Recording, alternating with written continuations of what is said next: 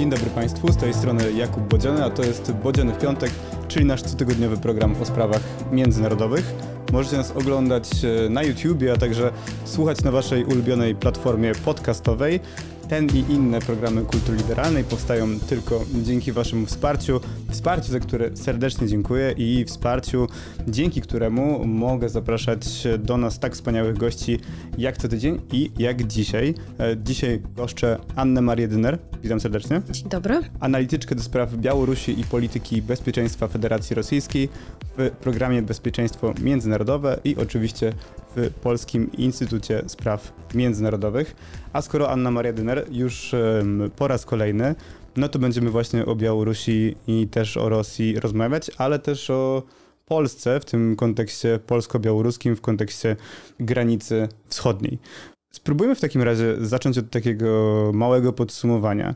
Co my wiemy obecnie na temat działań grupy Wagnera na Białorusi, która tam w liczbie z tego co rozumiem, 5 do 8 tysięcy w tym obozie w, w Osipowiczach obecnie się znajduje. Tak na dobrą sprawę informacji, co oni tam faktycznie robią, nie jest też tak bardzo dużo. Warto zwrócić uwagę, że faktycznie jest tam kilka tysięcy Wagnerowców. Zgadzam się z tym, że też najwyższa liczba, z jaką się zetknęłam, to było 8 tysięcy. Ale pojawiały się już informacje, że nie tylko to obozowisko e, pod wsią Cel niedaleko Osipowicz, jak również miejsca, gdzie oni są dyslokowani, to mogą być na przykład poligony. Sporo mówiło się o poligonie Gorzki, niedaleko Grodna. Sporo się mówiło o tym, że oprócz szkoleń oni są właśnie widywani w tamtym rejonie, oczywiście w sporo mniejszej liczbie. Oficjalnie część Wagnerowców e, szkoli siły zbrojne Białorusi, między innymi z medycyny pola walki, czy z przetrwania na polu walki, czy z użycia broni krótkiej. Ja osobiście myślę, że ten zakres szkolenia jest sporo szerszy niż tylko to, co się widzi w przekazie, zwłaszcza generowanym przez oficjalną stronę białoruską. Białorusini też pokazują nam to, co chcą pokazać. Sądzę, że operatorzy Wagnera pewnie też z innymi rodzajami sił zbrojnych Białorusi mają do czynienia, czy w ogóle na przykład z jednostkami podległymi choćby pod Ministerstwo Spraw Wewnętrznych. Więc e, to jest, e, to jest jeden aspekt. Natomiast jeszcze jest za krótko, żeby tak naprawdę oceniać realnie, jak będzie wyglądało funkcjonowanie grupy Wagnera na Białorusi. Z informacji, które też płyną od samych Wagnerowców, czy choćby od Jewgenija Prigorzyna, można wnioskować, że część z nich zostanie wysłana do Afryki, ale że Białoruś będzie pełniła taką rolę obozu matki, nazwijmy to, dla Wagnerowców. Nie wiemy nadal, ile z Wagnerowców, ilu z Wagnerowców zdecyduje się na powrót z urlopów, bo część formalnie niby jest na jakiegoś rodzaju urlopach.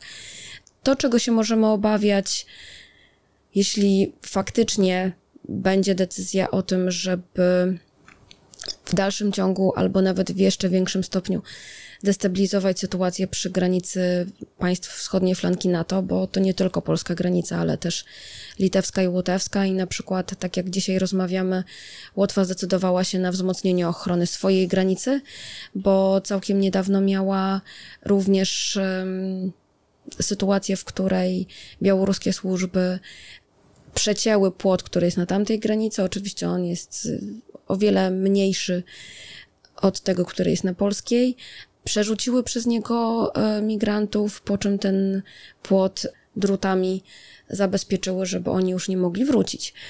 I do wielu incydentów dochodziło, dochodzi.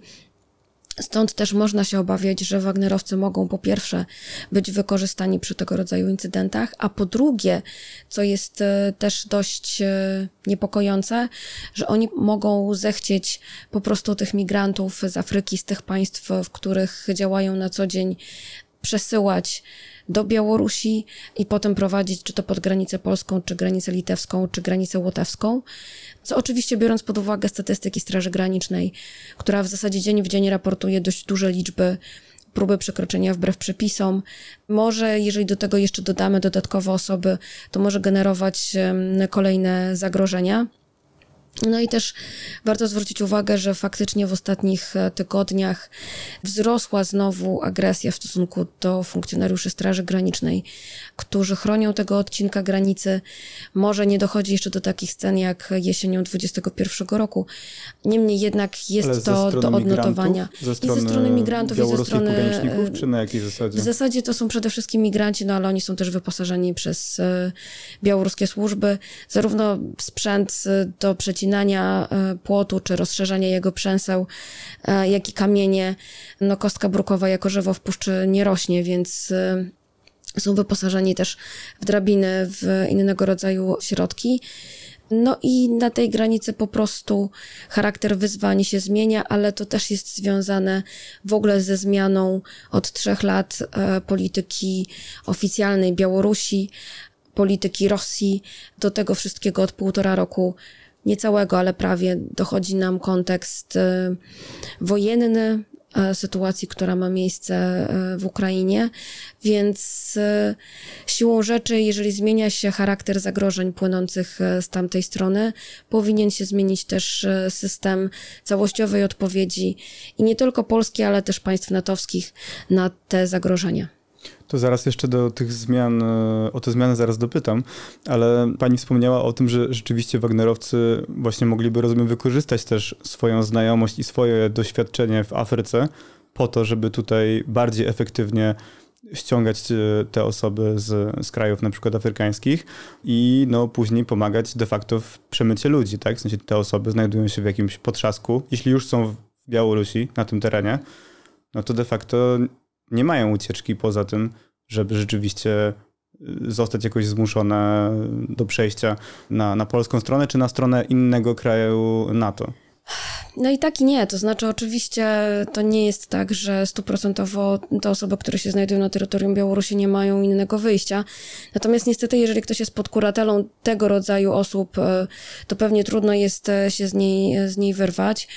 Co sprawia, że no właśnie, instrumentalizacja migracji stała się ważnym elementem oddziaływania na granicę pomiędzy Białorusią a państwami wschodniej flanki NATO, przy czym obawy dotyczące w ogóle pogranicza, nazwijmy to natowsko-rosyjsko-białoruskiego, one rosną, bo bardzo dużo obaw wyraża Finlandia, która ma jeszcze bardziej specyficzną granicę z Rosją, to jest ponad 1300 kilometrów. Chyba jeszcze w trudniejszym terenie. Jeszcze w trudniejszym terenie, zdecydowanie, ale bardzo wnikliwie śledzą, co się dzieje, bo też się obawiają, że mogą się zderzyć z taką, e, z taką sytuacją, z jaką my się zderzamy. Oczywiście może o mniejszej skali i charakterze, ale zdecydowanie tak.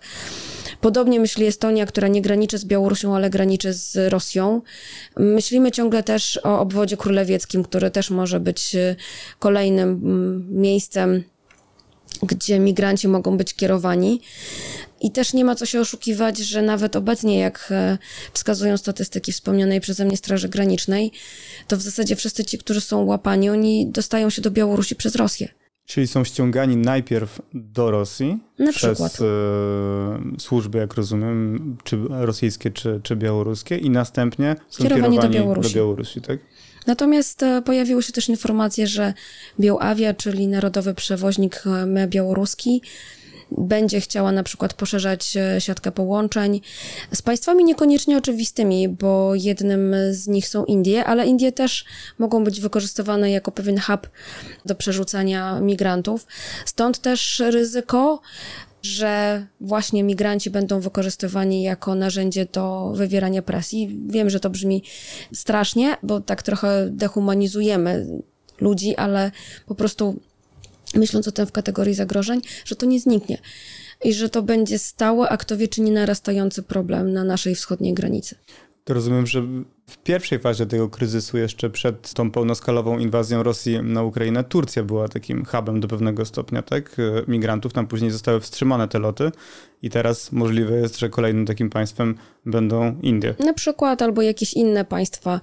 Też warto zwrócić uwagę, że jeżeli na przykład Wagnerowcy będą mieli czartery bezpośrednio z Białorusi do państw afrykańskich, no to możemy sobie wyobrazić, że z powrotem te czartery też nie, niekoniecznie będą musiały przylatywać, w sensie samolotów, niekoniecznie będą musiały przylatywać puste.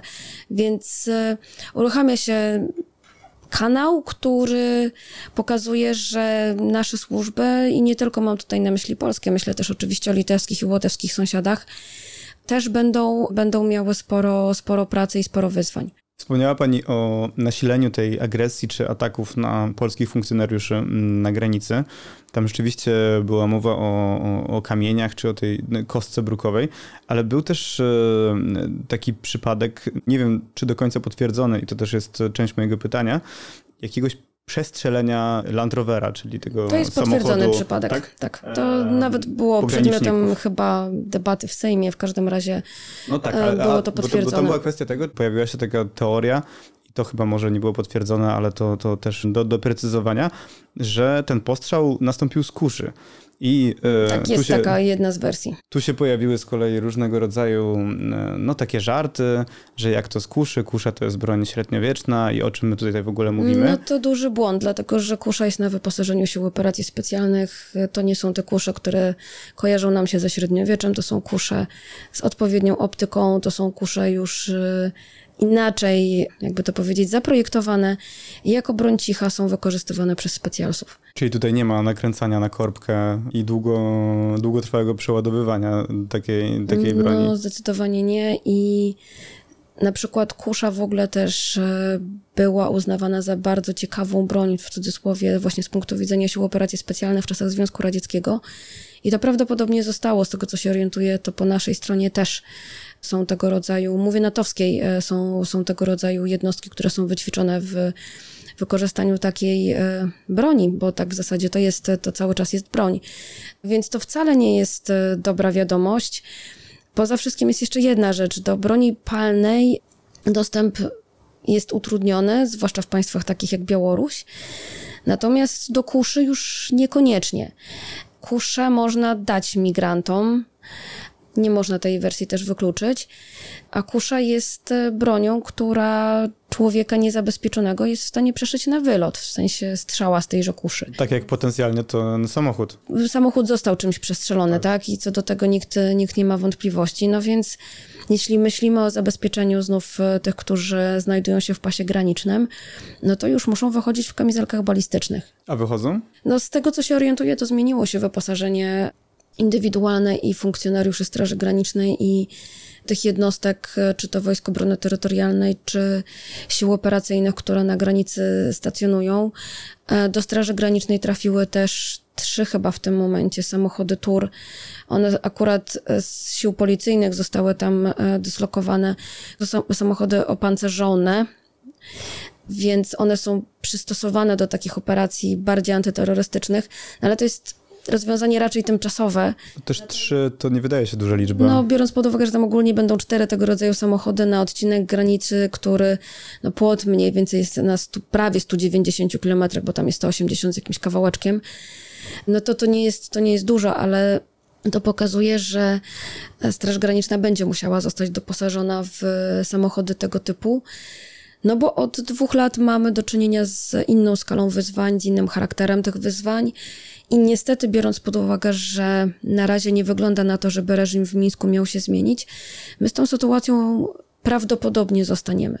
No bo też Straż Graniczna, jak rozumiem, jest e, formacją policyjną. Typu policyjnego, tak. E, I nie dysponuje bronią długą. Dysponuje bronią długą, natomiast nie, nie jest to na co dzień ich e, ich e, broń osobista, ale teraz też widziałam, że broń długa została już e, strażnikom wydana. No wcześniej były to po prostu normalnie pistolety, ale tak wspomniałam, ochrona, a obrona... Jaka jest różnica? Jest różnica, bo ochrona to jest właśnie ochrona typu, nazwijmy to policyjnego, tak? Czyli zabezpieczenie, żeby nic złego się nie działo, a obrona jest już w zasadzie typu wojskowego, czyli mamy bardzo konkretne zagrożenie, które zmienia charakter nam podejścia nie ma też co się oszukiwać, no e, nie bez powodu znów dodatkowe siły operacyjne zostały wysłane na granicę. To robi wrażenie po tamtej, po tamtej stronie. Akurat Rosja i Białoruś bardzo dobrze rozumie język siły. Chyba jako jeden z nielicznych. Znaczy to jest ten język, który rzeczywiście do nich trafia. Tak, jako jedyny chyba w zasadzie. Natomiast e, w tym momencie nie bardzo jest inne wyjście. Tak jak wspomniałam, również Litwa i Łotwa wzmacniają swoje granice w obawie przed e, poszerzeniem e, skali działań.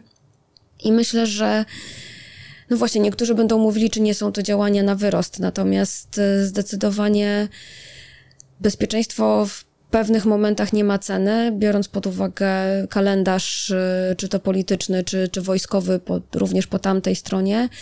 No właśnie, to możemy się spodziewać, że wyzwania mogą eskalować i jeśli stałoby się coś złego, to oczywiście wtedy pojawiłoby się bardzo dużo pretensji do, do organów państwa, nie tylko Polski, ale też myślę właśnie o Litwie czy Łotwie, czy, czy w ogóle szerzej, e, choćby do NATO, że dlaczego z tym nic nie zrobiono. Więc e, zdecydowanie też takie zwiększenie obecności ma mieć charakter prewencyjny.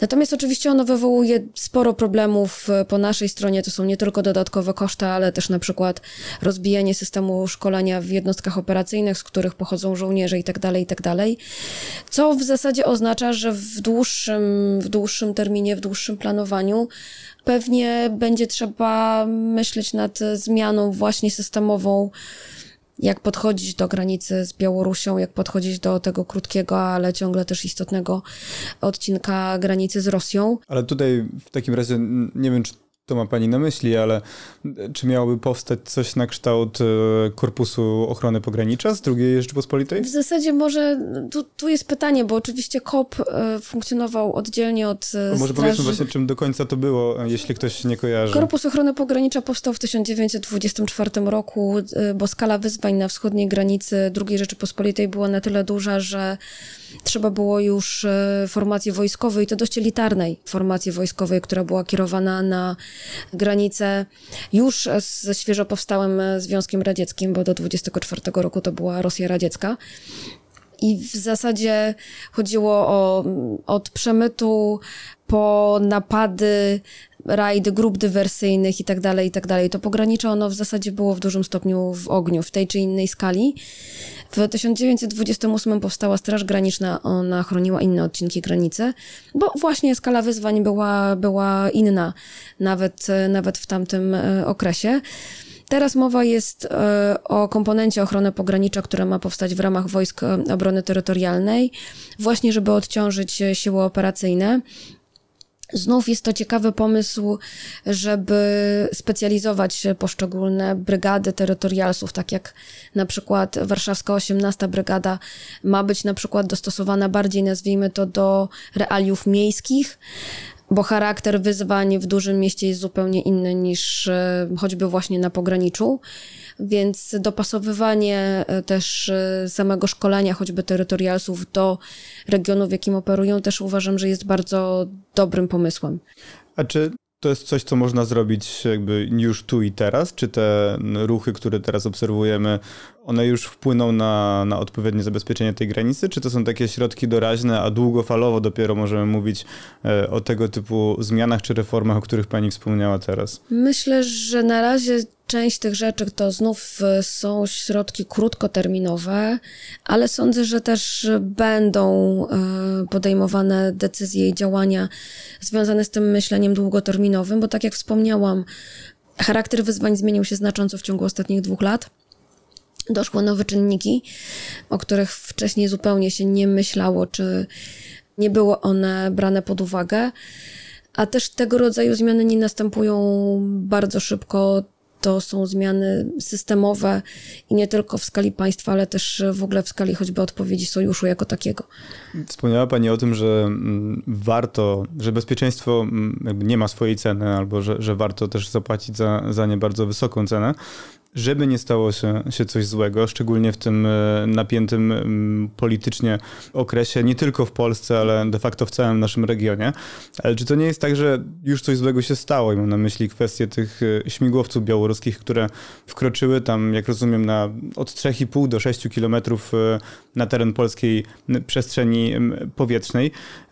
Pytanie jest takie, jak pani to ocenia, zarówno ze strony białoruskiej, to znaczy co miała na celu ta prowokacja, a z drugiej strony, ze strony polskiej, znaczy jak my powinniśmy na to reagować, bo ja słyszałem głosy wszelakie, to znaczy zarówno, że nic się nie stało de facto i, i możliwe, że, że, że takie przypadki, właśnie czy to był przypadek, to już też inna kwestia, będą się zdarzać, do takich, że no de facto powinniśmy to zestrzelić ze śmigłowca od razu i to, że tego nie zrobiliśmy, to jest kwestia słabości i tutaj nawiązuje do tego języka siły, tak, który, który jest jedynym językiem rozumianym przez Białoruś i Rosję i my okazaliśmy klasyczną słabość państwa demokratycznego. No jeżeli tak podejdziemy do sprawy, to faktycznie demokracja nie ma szans w starciu z państwami autorytarnymi. Ja się z tym nie zgadzam.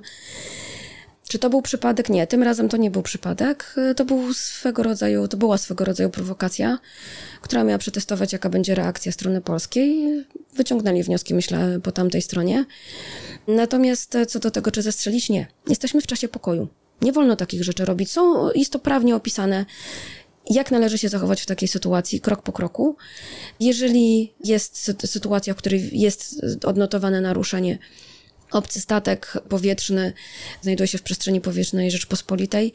Są procedury, najczęściej jest podrywana para myśliwców dyżurnych, która nawiązuje kontakt z załogą tego statku powietrznego, bo mogły się zdarzyć różne sytuacje. I oczywiście najpierw jest procedura, nazwijmy to prośba o opuszczenie terytorium, albo jeżeli coś się złego stało, to jest ustalane gdzie będzie dany statek powietrzny obcy lądował. W razie jakiejś awarii, rozumiem. Na przykład, bo takie rzeczy też się zdarzają. Nie zawsze musimy, w ogóle to, to jest rozpisane znowu na, na czas pokoju. Dopiero w sytuacji, kiedy kapitan naszego statku powietrznego poweźmie pewność, że statek ten drugi ma absolutnie złowrogie zamiary, będzie próba ataku albo że jest, nie wiem, porwane do celów terrorystycznych, bo przecież takie rzeczy też się zdarzają. Tu nie musimy tylko myśleć o śmigłowcach, ale choćby o samolotach pasażerskich. To dopiero po zgodzie którą wyda, wydaje dowództwo operacyjne, jest rozkaz co do, co do zniszczenia takiej, takiego obiektu. To też trwa. Umówmy się. No, no właśnie, bo jak rozumiem, cała ta sytuacja trwała kilkanaście minut. Maksymalnie, tak? więc jakby. Więc cała ta procedura, o której pani wspomniała, wydaje mi się bardzo rozciągnięta w czasie na tego no typu incydenty. Jest, jesteśmy w czasie pokoju i generalnie rzecz biorąc, nie możemy stosować rzeczy czy procedur zarezerwowanych na czas wojny, bo jeżeli jakikolwiek żołnierz, oficer zachowałby się inaczej, i nie daj Boże na przykład doszłoby do zestrzelenia tego statku powietrznego po chwili, bez całej tej procedury, to on pójdzie do więzienia. Po prostu takie są reguły demokratycznego państwa prawnego. I tu się pojawia inne pytanie. Czy my naprawdę jesteśmy tylko w czasie pokoju? E, właśnie to jest moje pytanie, bo chodzi mi o to, że for, formalnie i prawnie rozumiem, że jesteśmy w czasie pokoju, jak najbardziej. Oczywiście i nie możemy z tym nic zrobić. To znaczy, ja wiem, że to, że powiedzmy, pewnie sporo osób się zdenerwuje, jak, jak to usłyszy. No jest to frustrujące po Jest prostu. to frustrujące, no ale jesteśmy demokratycznym państwem prawa. Znaczy to nie jest frustrujące, I to nie jest frustrujące, więc jakby musimy się stosować do reguł, które, e, które są regułami demokratycznego państwa prawnego to, co jest tematem na odrębną opowieść, ale tutaj myślę, że nie ja powinnam na to pytanie e, dawać odpowiedzi. I to zarówno na poziomie krajowym, jak i sojuszniczym czy nie wyciągać wniosków z tego, co zrobiła strona przeciwna? Białoruś w 16 roku w swojej doktrynie wojennej i potem w doktrynie wojennej państwa związkowego Rosji i Białorusi, która jest opublikowana, została opublikowana w lutym 22 roku, że oprócz czasu pokoju i czasu wojny jest czas pośrodku. Oni Czyli to, to nazwali binarne, tak? czasem rosnącego zagrożenia militarnego. Bo prawda jest taka, że jeżeli patrzymy na tą rzeczywistość dookoła nas, to ona w wielu e, aspektach staje się coraz bardziej szara nie biała czasu pokoju, nie czarna czasu wojny takiej typowej. Natomiast właśnie szarzeje. Czasami ten szary jest taki dość mocny, czasami a, tylko delikatny. No ale zasoby mamy tylko i wyłącznie na czas biały, nazwijmy to na czas pokoju, więc e, no właśnie, tu się pojawia szereg, szereg wyzwań, nie tylko w sferze twardego bezpieczeństwa. To, co pewnie można byłoby spróbować zrobić, tak, nie naruszając przepisów, Zresztą komunikowanie ze strony dowództwa generalnego mnie się bardzo podobało dla, z dwóch powodów. Najpierw było pokazane na Twitterze, że są ćwiczenia snajperów, a później na przykład był taki tweet, że nasze oczy są zwrócone nie tylko na y, wielką defiladę w zasadzie z tyłu jest płot graniczny, a żołnierz, który jest sfotografowany ma w ręce pocisk y, piorun. No, jest dość charakterystyczny, jak go wykorzystywali dobrze Ukraińcy, to chyba nikomu nie trzeba mówić.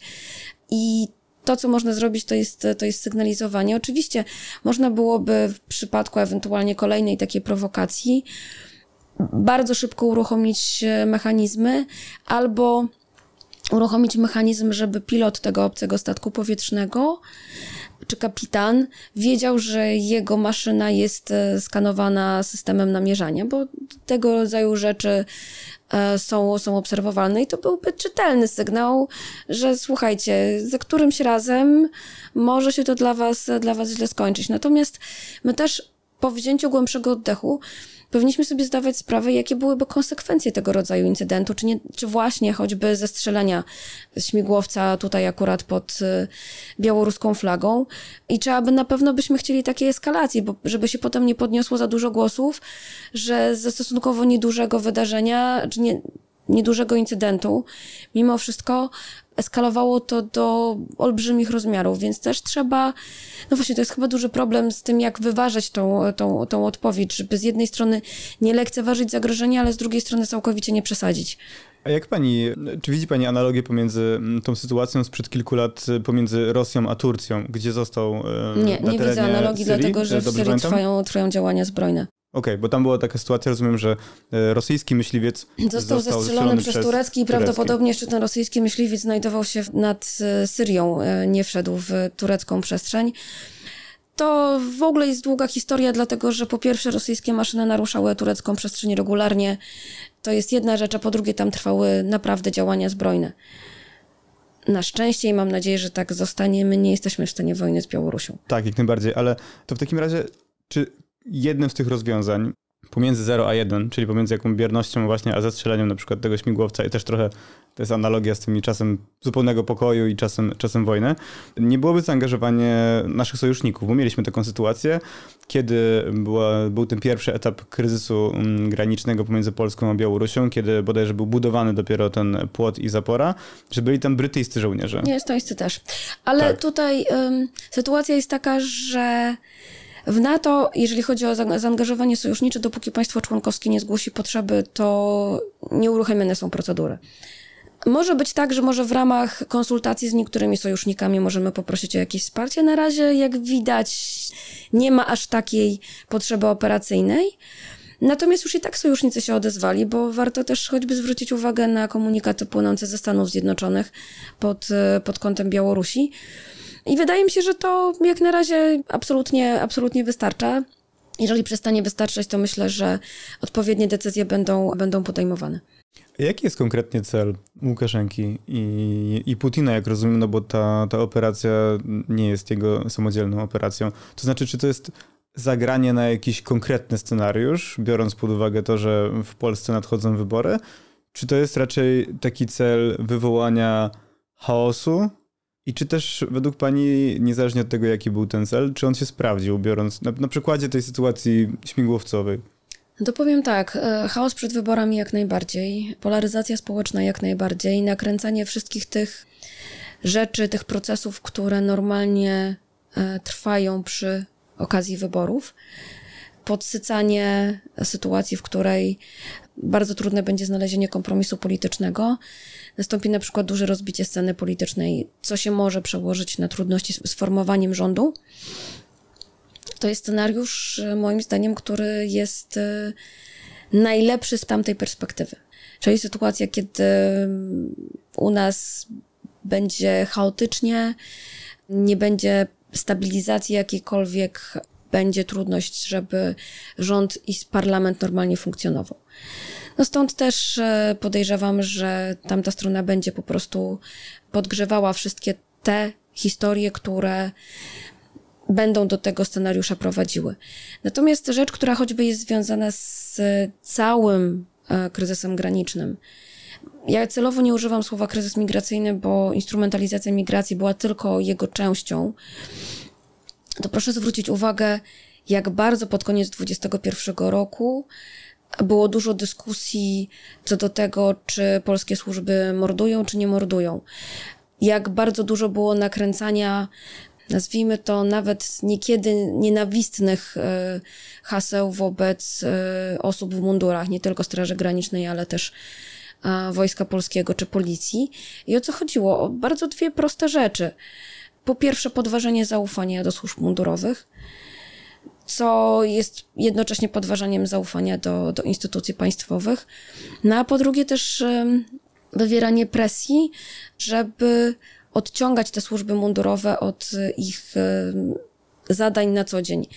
No i teraz biorąc pod uwagę, że bardzo wielu ekspertów, zwłaszcza z czasem, zaczęło uważać, że była to swoista podgrywka jeszcze przed y, inwazją otwartą na Ukrainę, no to robi się już mocno szary ten obraz bo w sytuacji jakiegokolwiek zagrożenia, potencjalnego konfliktu, ale to może być też y, nawet po prostu klęska żywiołowa, to zaufanie do służb mundurowych jest podstawą funkcjonowania w państwie i stosunków pomiędzy obywatelami a, a tymże państwem. Tak, znaczy tu wydaje mi się, że jest to o tyle problematyczne, że z jednej strony jak najbardziej się zgadzam, że to jest kluczowe, z drugiej strony wiemy o tym, że dochodziło, nie w takiej skali jak to było przedstawiane, ale dochodziło do jakichś naruszeń prawa przez funkcjonariuszy na terenie granicy i z jednej strony mamy to, że to powinno zostać w odpowiedni sposób rozliczone, żeby to zaufanie było dalej istniało, a z drugiej strony, no rzeczywiście mieliśmy też jakieś e, nakręcane porównywanie mm, polskich funkcjonariuszy do, do funkcjonariuszy III Rzeszy, na jakieś zupełnie absurdalne rzeczy. Więc jakby o to, o to chodzi. I to jest przykład, gdzie się nakręca tak? bardzo mocno emocje i po jednej, czasami po drugiej stronie. I to jest scenariusz, który jest optymalny z tamtego punktu widzenia, tak? Bo podejrzewam, że gdyby się jedna i druga strona bardzo mocno nakręcona na chwilę zatrzymała, wzięła głęboki oddech, no to właśnie byłoby to rozwiązanie tak, jeżeli doszło do jakiegoś naruszenia, to znów jesteśmy państwem prawa i będziemy sprawdzać. Jeżeli ktoś jest odpowiedzialny, poniesie konsekwencje. Koniec, kropka. Ale nie dać się zwariować, że każdy, nie wiem, funkcjonariusz Policji, Straży Granicznej czy czy żołnierz, e, oficer sił zbrojnych, no jest przestępcą, mordercą, gwałcicielem, nie wiem kim tam jeszcze. Tak, znaczy to też widać, znaczy widać te różnice perspektyw, kiedy jest się, myślę, w Warszawie albo w jakimś innym dużym mieście, a kiedy rzeczywiście się tam pojedzie i na przykład porozmawia z ludźmi, którzy tam mieszkają. No zdecydowanie dla tak i dla miejscowych Straż Graniczna jest też kluczowym elementem. Rodzinę, chociażby ktoś, ktoś z rodziny, znajomy, kolega, przyjaciel pracuje w Straży tak, Granicznej. ale Straż Graniczna jest kluczowym elementem funkcjonowania e, pogranicza, nazwijmy to. Bo tam są tereny takie, że zimą, jesienią, przy roztopach to Straż Graniczna zapewnia, nie wiem, to, że chleb będzie świeży czasami, tak? Albo że ktoś do lekarza się dostanie. I widać, że to zaufanie ludzi miejscowych do Straży Granicznej jest bardzo duże. Miałam okazję to na własne oczy widzieć. A jaki w takim razie w tym okresie najbliższym według Pani byłby najgorszy możliwy scenariusz z naszej perspektywy, a najlepszy możliwy z perspektywy Białorusi? Bo mieliśmy już kwestię tych śmigłowców omówioną przez nas, ale była też kwestia tego fejkowego zdjęcia rzekomo bojownika grupy Wagner pod e, polskim słupem granicznym, co było po prostu zwykłym e, fotomontażem, ale fotomontażem, który w ciągu kilku godzin no, zebrał kilkaset tysięcy zasięgu. I tutaj fantastycznie to pokazuje, jak e, działają mechanizmy dezinformacyjne. I jak bardzo łatwo jest się w cudzysłowie nabrać, jak się nie sprawdza źródeł informacji. I to znowu pokazuje, jak tamta strona fantastycznie rozgrywa te zagrożenia hybrydowe. Najważniejsze z nich to jest właśnie dezinformacja. To jest bardzo prosty mechanizm, który przy nakręconych społecznie emocjach może mieć potworne skutki. I już próby generalne były, czy to w trakcie pandemii, czy tuż po 24 lutego ubiegłego roku. No to był szturm na stacje benzynowe, to jedno, i no to słynne zamykanie miast. Tak, na przykład, ale tam... Musimy się spieszyć, bo zaraz zamkną miasta, bo mi ciocia opowiadała. Ja, tak, ja mam ciocię w tak, tak, tak, tak, tak, więc y, albo żeby tylko ciocia, to często gęsto był tam piąta woda po kisielu, ale wracając, to są mechanizmy, które są, które są używane i na przykład ludzie się rzucają do bankomatów, wybierają pieniądze, w jednym, drugim, trzecim nie ma, więc spirala strachu się nakręca. No siłą rzeczy nie da się uzupełnić e, tak dużych zasobów gotówki w ciągu paru godzin, tak? Firmy, które to rozwożą, muszą uzupełnić, dowieść, pobrać ze skarbców i tak dalej, i tak dalej. To samo zresztą z paliwem było, że jakby system dowożenia no, musi też nabrać, nabrać rozpędu. Liczba cystern też jest ograniczona. Więc e, to pokazuje, jak czasami można łatwo rozhuśtać emocje społeczne, zwłaszcza jeżeli mamy sytuację, w której, no tak jak e, już wielokrotnie mówiłam, trójka naszych sąsiadów jest w stanie wojny. I ludzie się podejrzewam, tu nie, nie, jestem stuprocentowo pewna, być może są już badania socjologiczne na ten temat, ale podejrzewam, że skala strachu jest jednak sporo wyższa, aniżeli była jeszcze 3-4 e, lata temu.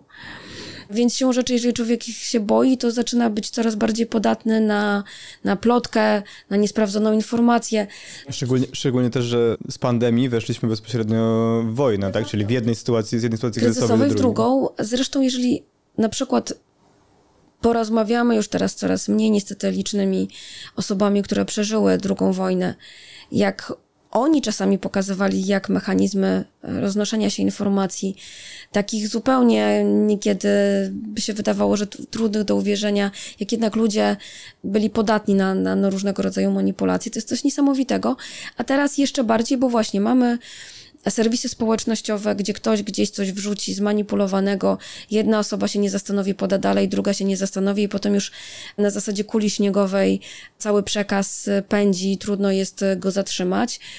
Prawda jest taka, że w ten sposób można próbować destabilizować na przykład sektor bankowy, próbować e, destabilizować e, sytuację polityczną i to są już rzeczy, które były testowane przez Rosjan w różnych, e, w różnych państwach, więc mówię, tych elementów jest, jest bardzo dużo i stąd też właśnie znów powrót do kwestii tego, że jeżeli jakaś informacja wywołuje olbrzymie emocje, tak po prostu, to może warto wziąć głęboki wdech, sprawdzić jej źródło i zastanowić się, czy przypadkiem nie jest to informacja zmanipulowana celowo. Um, co jeszcze poza dezinformacją y, może, może nam grozić? Bo jeszcze chciałbym dopytać o te kwestie związane z tym, co my możemy zrobić jako właśnie mm, zwykli obywatele poza weryfikowaniem tych informacji, ale dopytam jeszcze o te najgorsze scenariusze. Czy, czy jest na przykład, y, pani wspominała o tych scenariuszach częściowo w swojej niedawnej analizie dla, dla pismu, czy realne jest zagrożenie, na przykład zagrożenie dla naszych obiektów infrastruktury krytycznej, to znaczy na terenie Polski ze strony Wagnerowców, no, którzy mogą się tam dostać, nawet niekoniecznie przez Białoruś. I niekoniecznie będą to tylko Wagnerowcy, bo jest tak, jeszcze to jeden... była kwestia tych wydawania paszportów, pani wspominała o tym e, oczywiście, w jednej z rozmów. Oczywiście, że tak, bo łatwo sobie jesteśmy w stanie wyobrazić, że e, Wagnerowcy otrzymają białoruskie paszporty i na ich podstawie wjadą legalnie na terytorium nie tylko Polski, ale w ogóle Unii Europejskiej czy NATO. Natomiast to, co jest istotne, to, że są prowadzone, czy jest prowadzone rozpoznanie obiektów infrastruktury krytycznej, to jest żadna tajemnica chyba najbardziej widoczny odprysk tego jest, już są, było już chyba niedawno trzecie, trzecie zatrzymanie związane z grupą, która prowadziła takie rozpoznanie na obiektach infrastruktury kolejowej, zatrzymania przeprowadzone przez Agencję Bezpieczeństwa Wewnętrznego. A biorąc pod uwagę, że wszyscy ci, którzy znają się na tym temacie, wiedzą, że tego typu informacje, jeżeli się przedostają do prasy, to przedostają się po coś, ale też, że jest to tylko ułamek całego zagadnienia. Więc jeżeli mamy świadomość tego, że już było na rozpoznanie na takim poziomie prowadzone, no to nie ma co się oszukiwać, rozpoznanie gdzie indziej też jest prowadzone. I jeżeli do tego dołożymy grupę Wagnera, no to znów też powtórzę się, ale po prostu jest sytuacja, w której mamy dużo więcej miejsc, gdzie ktoś może być, robić zdjęcia, fotografować. Z pozoru jest to, się wydaje, ktoś może zbagatelizować, że to jest niewinna działalność. No niekoniecznie, ale też biorąc pod uwagę obawy związane z rosnącym jednak e, poczuciem, że coś się złego może przydarzyć, no trzeba zwiększać siły ochrony, obrony i tak dalej. W pewnym momencie jakby zasoby tych, którzy się bronią, no, zaczynają się troszkę wyczerpywać, następuje normalne zmęczenie, tak? Myślę, że to jest też scenariusz, na który tamta strona, e, tamta strona będzie, będzie stawiała. Czy realne jest, że coś się przydarzy infrastrukturze, obiektom infrastruktury krytycznej? No nikt nigdy, kto się zajmuje bezpieczeństwem, nie powie, że takiego scenariusza nie ma. On jest pewnie, no trudno teraz mi szacować prawdopodobieństwo, bo też E, nie siedzę aż tak głęboko w tej, w, tej, w tej działce, poza tym za chwilę albo by wyszło, że strasz, albo że bagatelizuję. Myślę, że znowu ani jedno, ani drugie. Po prostu to ryzyko faktycznie istnieje e, i biorąc pod uwagę, że zarówno Rosja, jak i Białoruś mają e, odpowiednie jednostki do tego przygotowane, no to musimy mieć świadomość, że to nie jest tak, że jesteśmy całkowicie stuprocentowo, stuprocentowo bezpieczni. Jeśli myślimy choćby o infrastrukturze związanej z Morzem Bałtyckim, no Polska nigdy nie była tak uzależniona od e, Morza Bałtyckiego, jak jest e, teraz, jeżeli chodzi choćby o dostarczanie do Polski surowców energetycznych. No bo kiedyś kluczowe były rury, e, gazociągi, a teraz to właśnie znaczy, morze. Nadal tak? są, tylko te, które idą przez morze, tak? Albo, hmm. albo naftoport. Więc Więc to pokazuje, że znowu zmienia nam się w ogóle skala i charakter e, wyzwań i trzeba powoli się przestawiać na, na te inne wyzwania i, e, i inne zagrożenia. No i oprócz tego wszystkiego jeszcze jest e, sfera cyber. I tutaj też warto mieć świadomość, że wojna też się toczy w tej domenie. Co ciekawe, ona została właśnie uznana za domenę przez NATO na szczycie w Warszawie i musimy mieć też świadomość tego, że konsekwencje jej też mogą być bardzo duże, choćby dla infrastruktury krytycznej. To przejdźmy w takim razie do tego poziomu obywatelskiego, czy poziomu raczej e, cywilnego. Zacznijmy może w ogóle od takiego pojęcia obrony cywilnej. Czym to jest, na czym to polega? Bo obrona, no, no, w takim, rozumiem, potocznym skojarzeniu, no to właśnie jest to, o czym rozmawialiśmy, czyli są funkcjonariusze policyjni, są, jest kwestia wojska, ochrona, obrona. Natomiast co my jako cywile w jaki sposób możemy tą obronę cywilną realizować? No mamy teraz problem, dlatego że w zasadzie nie mamy funkcjonującej e, obrony cywilnej. Jest e, obrona terytorialna, która pełni teraz częściowo funkcję obrony cywilnej. Więc w zasadzie, jeżeli ktoś jest bardzo zdeterminowany, to mu WOT zostaje i, i nic innego. To jest w ogóle odrębny, odrębny system, bo obrona cywilna powinna być bardzo lokalnie powiązana z miejscem, w którym się mieszka, z rozpoznaniem terenu, z zaufaniem sąsiedzkim, lokalnym. Po prostu chodzi o to, tu już żeby... widzę jakieś problemy w polskim przypadku, jeśli chodzi o kwestie no, zaufania zwłaszcza, społecznego. Zwłaszcza, zwłaszcza w dużych miastach, tak? Bo podejrzewam, że ciągle na wsiach czy w mniejszych miejscowościach, gdzie ludzie się znają, po prostu ten stopień zaufania, chęci pomocy, świadomości tego, że coś złego się dzieje, e, jest pewnie sporo wyższy, aniżeli w dużym mieście, gdzie po prostu jesteśmy zanonimizowani, zatomizowani, tak, tak na dobrą sprawę. Natomiast, e, no właśnie, w przypadku, nie wiem, klęsk żywiołowych, um, nawet likwidacji szkód na stosunkowo niedużym terenie po jakiejś nawałnicy. Często może być sytuacja taka, że kto rusza? No wolontariusze, tak? Ludzie się po prostu zbierają, działają wspólnie i nie jest to usystematyzowane. I tego pewnie trochę brakuje, bo czasami gdyby coś było usystematyzowane, byłoby być może prostsze w, w realizacji. I tego, tego myślę, że mimo wszystko troszkę, troszkę brakuje, aczkolwiek znowu to jest kwestia długoletniej pracy nad zaufaniem ludzi do państwa, państwa do obywateli, e, nad kształtowaniem całego systemu. Bardzo dobrze, że powstały Wojska Obrony Terytorialnej. To jest też ciekawa historia, bo były dowódca e, WOT-u, generał Kukuła, opowiadał, jak rozmawiał z e, Ukraińcami już po wybuchu tej odsłony wojny i oni pytali ich, skąd wiedzieliście? Znaczy Ukraińcy nas. Bo tak na dobrą sprawę teraz coraz więcej ukraińskich ekspertów podkreśla, że WOT tamtejszy został e, powołany za późno. Ale też był wzorowany na polskim WOTie właśnie. Tak, ale on w zasadzie... A kiedy on powstał? On, on w zasadzie powstawał w 22 roku.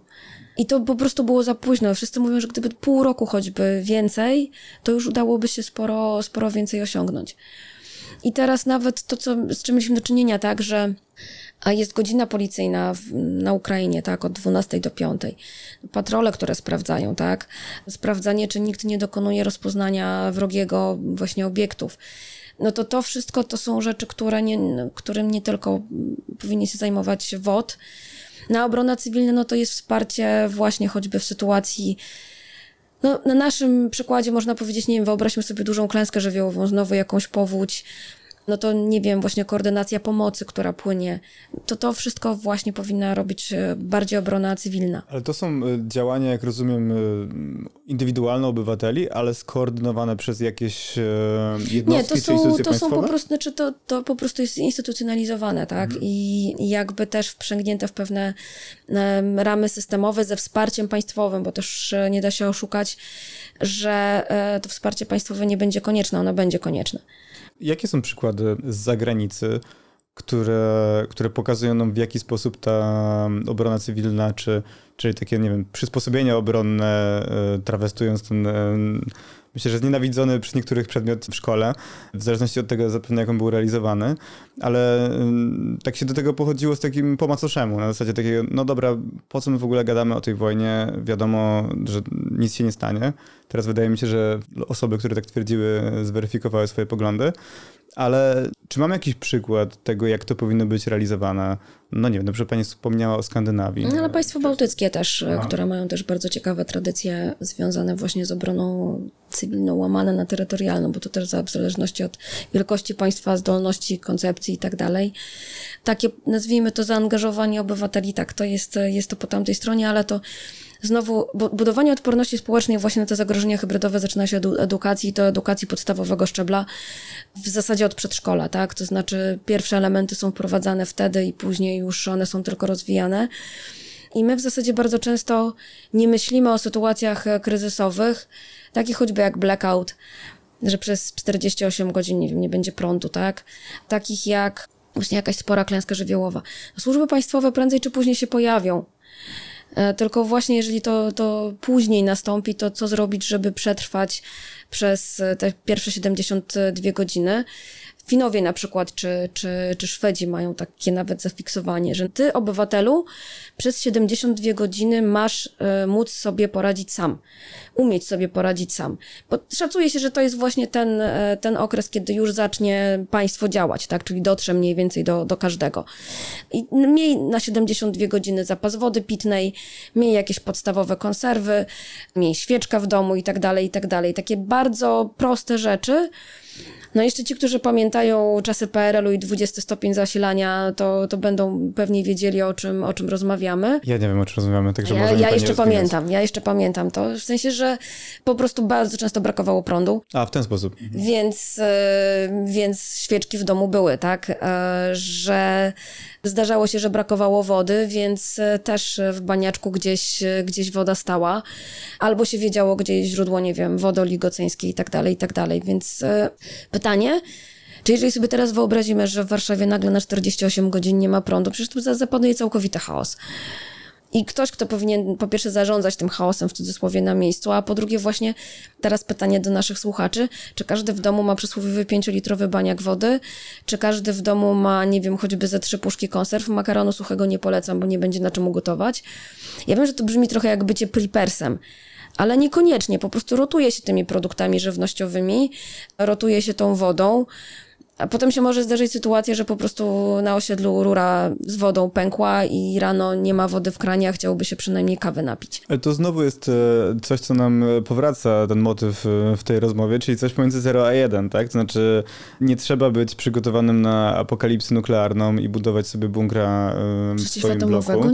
Nie, ale wystarczy... Ale można co zrobić na przykład? W sensie, o, rozumiem, że pani nie ma bunkra przeciwatomowego w swoim mieszkaniu, więc nie jest to ekstremum, ale co w takim razie jest tym, co by pani polecała?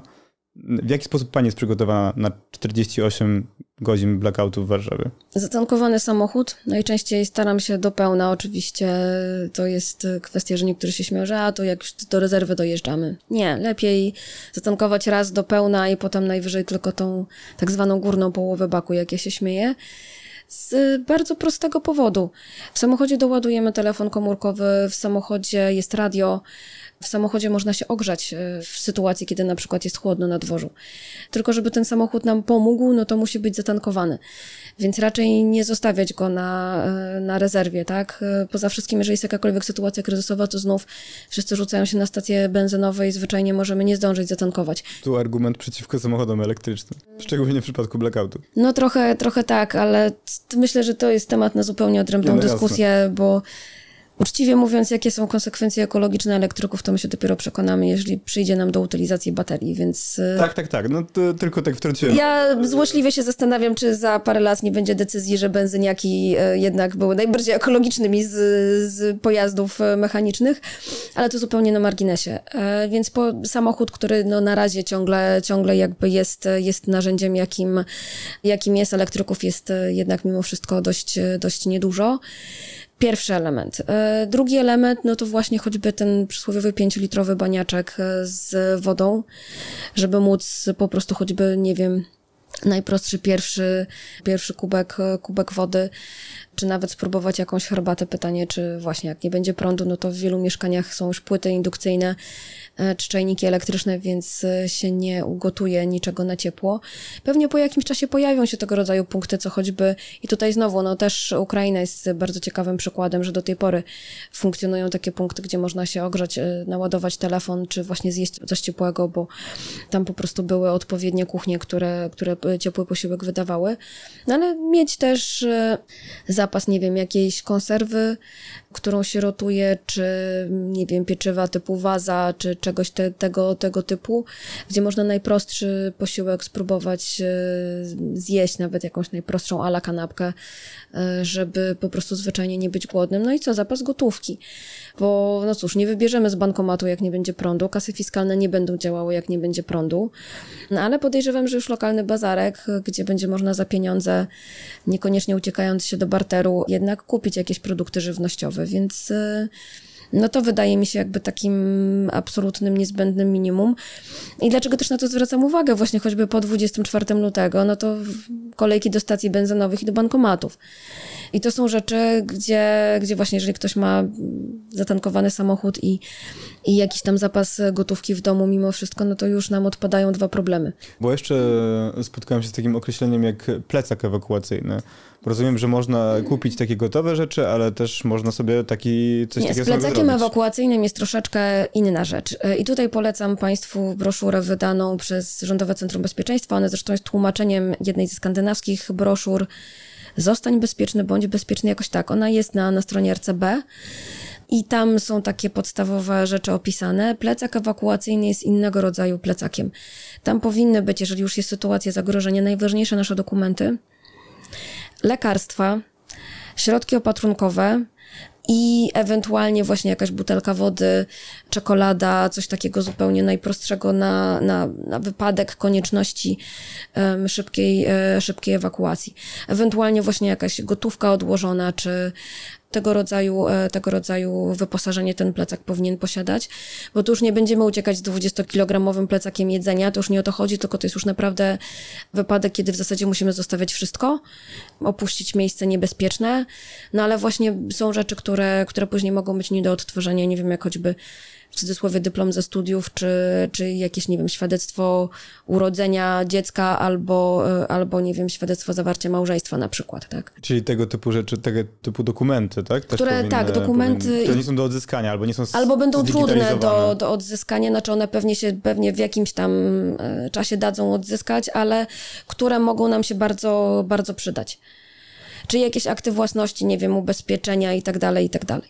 Dobrze, tutaj ten, ten wątek nie opowiedzieliśmy go do końca oczywiście, ale chciałem, właśnie zależało mi na tym, żeby go przedstawić. Ale na przykład też jedna istotna rzecz. Niektórzy się z tego śmieją. Czy macie państwo rodziny nieprzyjacielsko wyznaczone własne miejsce ewakuacji? Taką ławkę, tak się mówiło Ławka o tym na w parku, przykład. nie wiem. Ale jak to polega? Załóżmy, że jest ten blackout albo jest jakaś innego rodzaju klęska żywiołowa. Ja mam załóżmy taką ławkę gdzieś e, niedaleko. No i co? I spotykamy się tam? Jest po, po prostu, czasie? no właśnie czas jest, czas jest ustalony że jeżeli na przykład jest e, wiadomo, że coś się dzieje, no bo z góry zazwyczaj takie klęski nie spadają nagle, tak? To, to, że na przykład się umawiamy, że do tej, do tej godziny, czy po ogłoszeniu jakiegoś alarmu do, do tej do tej godziny, czy w takim i takim terminie się mamy spotkać w tym i w tym miejscu. To wydaje mi się o tyle ciekawe e, też, że rzeczywiście często takie... E, Ewentualnie może to być mieszkanie jednej, jednej osoby konkretnej, tak, tak że cała tak, tak. rodzina w pół żartem, pół serio się zbiega do, do jednego konkretnego punktu. E, natomiast właśnie wiele sytuacji pokazywało, że problemem było to, że ludzie potracili kontakt ze sobą. No tak, no wystarczy jak nie ma zasięgu internetu, no to już jest problem. Nie, bo chodziło mi o to, że rzeczywiście wiele tego typu porad, pamiętam, że było tak troszeczkę deprecjonowanych na zasadzie tego, że no to jest jakieś preperskie odklejenie, a tak naprawdę to wymaga bardzo niewiele wysiłku, tak ustalenie na przykład jakiegoś y, punktu zbornego, który miejmy nadzieję, że też nigdy... Nigdy się mam nadzieję to nie, nie przyda. przyda tak? A ale... wystarczy to mieć i, i tyle, no. Albo, albo kupienie jakichś paru rzeczy, które leżą w spiżarce. I się je wymienia po prostu co czas jakiś, tak? To jest też trochę ciekawe, dlatego że ja sama o sobie nigdy w życiu bym nie pomyślała, że jestem prepersem.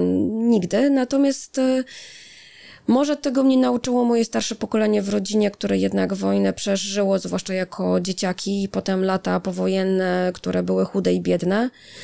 I ja w pewnym momencie też zrozumiałam, dlaczego, nie wiem, u mnie w rodzinie jednak zapas mąki, zapas oleju, czy jakichś tam innych produktów, które jest rotowano, no oczywiście bez przesady, dlaczego on jest. I każdy, kto przeżył właśnie wojnę czy, czy sytuację jakąś klęski żywiołowej, już będzie wiedział, dlaczego, dlaczego taki zapas należy mieć. I Owszem, u nas się myśli, że a, odklejeńcy trochę, ale dlaczego właśnie Skandynawia jest w stanie podchodzić do tego jako do rzeczy, która jest e, zupełnie normalna? Ale tu jest też w takim razie ten wątek, o którym pani wspomniała, czyli że w jakiś sposób państwo powinno przygotować swoich obywateli na, na nieobecność swoją, tak? Znaczy Czyli edukacja. Ale teraz nawet już wracając do bardzo prostych yy, przykładów. Ile osób wychodzi totalnie nieprzygotowanych w górę? No, widzimy co roku te fotki z Giewontu w szpilkach, w t-shirtach. po prostu tragicznych statystykach. Tak, TOPR czy GOPR, w zależności w jakich górach jesteśmy, pewnie prędzej czy później do nas dotrze i pomocy nam udzieli. Tylko być może łatwiej by było, gdyby człowiek wyszedł z latarką. Słynna historia w Morskim Oku po zmroku jest ciemno. I wyszedł, nie wiem, z butelką wody i dodatkową czekoladą. Oczywiście nie mówię już o w miarę odpowiednim ubiorze, tak? Czyli, czyli buty przede wszystkim. I chodzi o to, że jeżeli, że jeżeli po prostu my cały czas mamy taką trochę niefrasobliwość, że a dobra, jak coś się stanie, to to poderwie śmigła i, e, i mnie zgarną. No nie, bo może się okazać, że pogoda nie będzie lotna i przyjdzie nam biwakować e, w sytuacji, kiedy na przykład gwałtownie pogorszą się warunki pogodowe. I chodzi o to, że to jest ten przykład myślenia, który się zaczyna przekładać na całe społeczeństwo, że jakoś to będzie, tak? Ja nie muszę się przejmować, bo, bo ktoś przyjdzie mi z pomocą, a może się zdarzyć, że będzie ten okres, kiedy nie będzie komu przyjść z tą pomocą. No właśnie. I na to powinniśmy się przygotować e, jakkolwiek. I to nie jest zupełne straszanie, tylko to jest właśnie jakby zwiększenie trochę świadomości, że może przyjść e, taka burza, że właśnie nie będzie w danej okolicy prądu, że może przyjść powódź, e, że może przyjść jeszcze jakiegoś innego rodzaju klęska, która spowoduje, że, e, że no właśnie przyjdzie nam być w sytuacji e, ekstremalnej, albo zabraknie prądu, być może może to być przypadek, a może być to też w ramach celowego działania. No tak, szczególnie, że no, jesteśmy, nie wiem, czy można powiedzieć, że jesteśmy po okresie pandemicznym, no ale jesteśmy po okresie tych najbardziej surowych obostrzeń i też raczej globalna pandemia no, nie przychodziła nam do głowy przed 2020 rokiem, więc to są rzeczy, które, o których nie myślimy na co dzień, ale no, które jak najbardziej się mogą zdarzyć, czy to z przyczyn naturalnych, czy z przyczyn obcych, czy to przez przypadek, czy właśnie na przykład z powodu ingerencji państwa trzeciego. I z tym w takim razie Państwa dzisiaj zostawimy. Te linki do broszur, o których wspomina Pani Anna, znajdziecie w opisie, tak jak i analizę ostatnią Pani Anny z pismu. Zachęcamy do śledzenia Twittera oczywiście i mediów społecznościowych e, pismu, jak i Jeśli jeszcze mogę dosłownie jeden, e, jeden grosz wrzucić, też warto śledzić sprawdzone serwisy społecznościowe, choćby nawet e, Rządowego Centrum Bezpieczeństwa, czy choćby, nie wiem, Państwowej Agencji Atomistyki, która też właśnie podaje, że nie wiem, nie ma zagrożenia skażeniem na przykład, bo w pewnym momencie było to nakręcane. W kwestii elektrowni Zaporożu. Nie tylko. I w Czarnobylu na początku, na przykład, w pierwszym okresie Na wojny. przykład, e, dlaczego i też warto zwracać uwagę, że no my się trochę śmiejemy niekiedy z alertów RCB, że wystarczy, że tam dwie krople z nieba spadną, a przychodzi alert. Tyle, że na przykład y, w przypadku zjawisk pogotowych typu burze, tak w następnym życiu będę łowcą, może być tak, że na danym odcinku jest piękne niebo, a za trzy kilometry przychodzi nawałnica, która niszczy wszystko na swojej drodze. Nie wstrzelimy się nigdy z alertami idealnie, bo to wychodzi na poziom powiatu. Natomiast lekceważyć e, tego rodzaju alertów też całkowicie nie należy.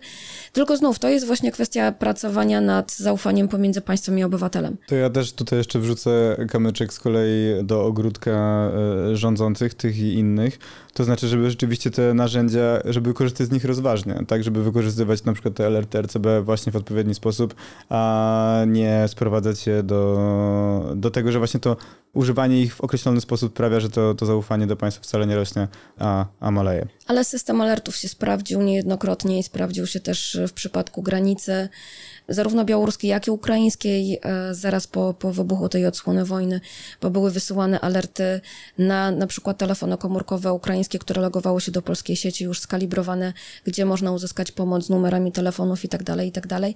Więc system jest, uważam, naprawdę bardzo dobry i tak całkowicie go nie należy lekceważyć, bo ja wiem, że to może też szumnie zabrzmieć, ale niekiedy on może, jeżeli nawet nie uratować życie, to bardzo, bardzo w tym życiu pomóc. Jasne. Nie, nie, nie. W żaden sposób nie chodziło też o lekceważenie, tylko właśnie e, o zaufanie, że tak powiem, z obu stron i odpowiednio to, To oczywiście. wykorzystanie.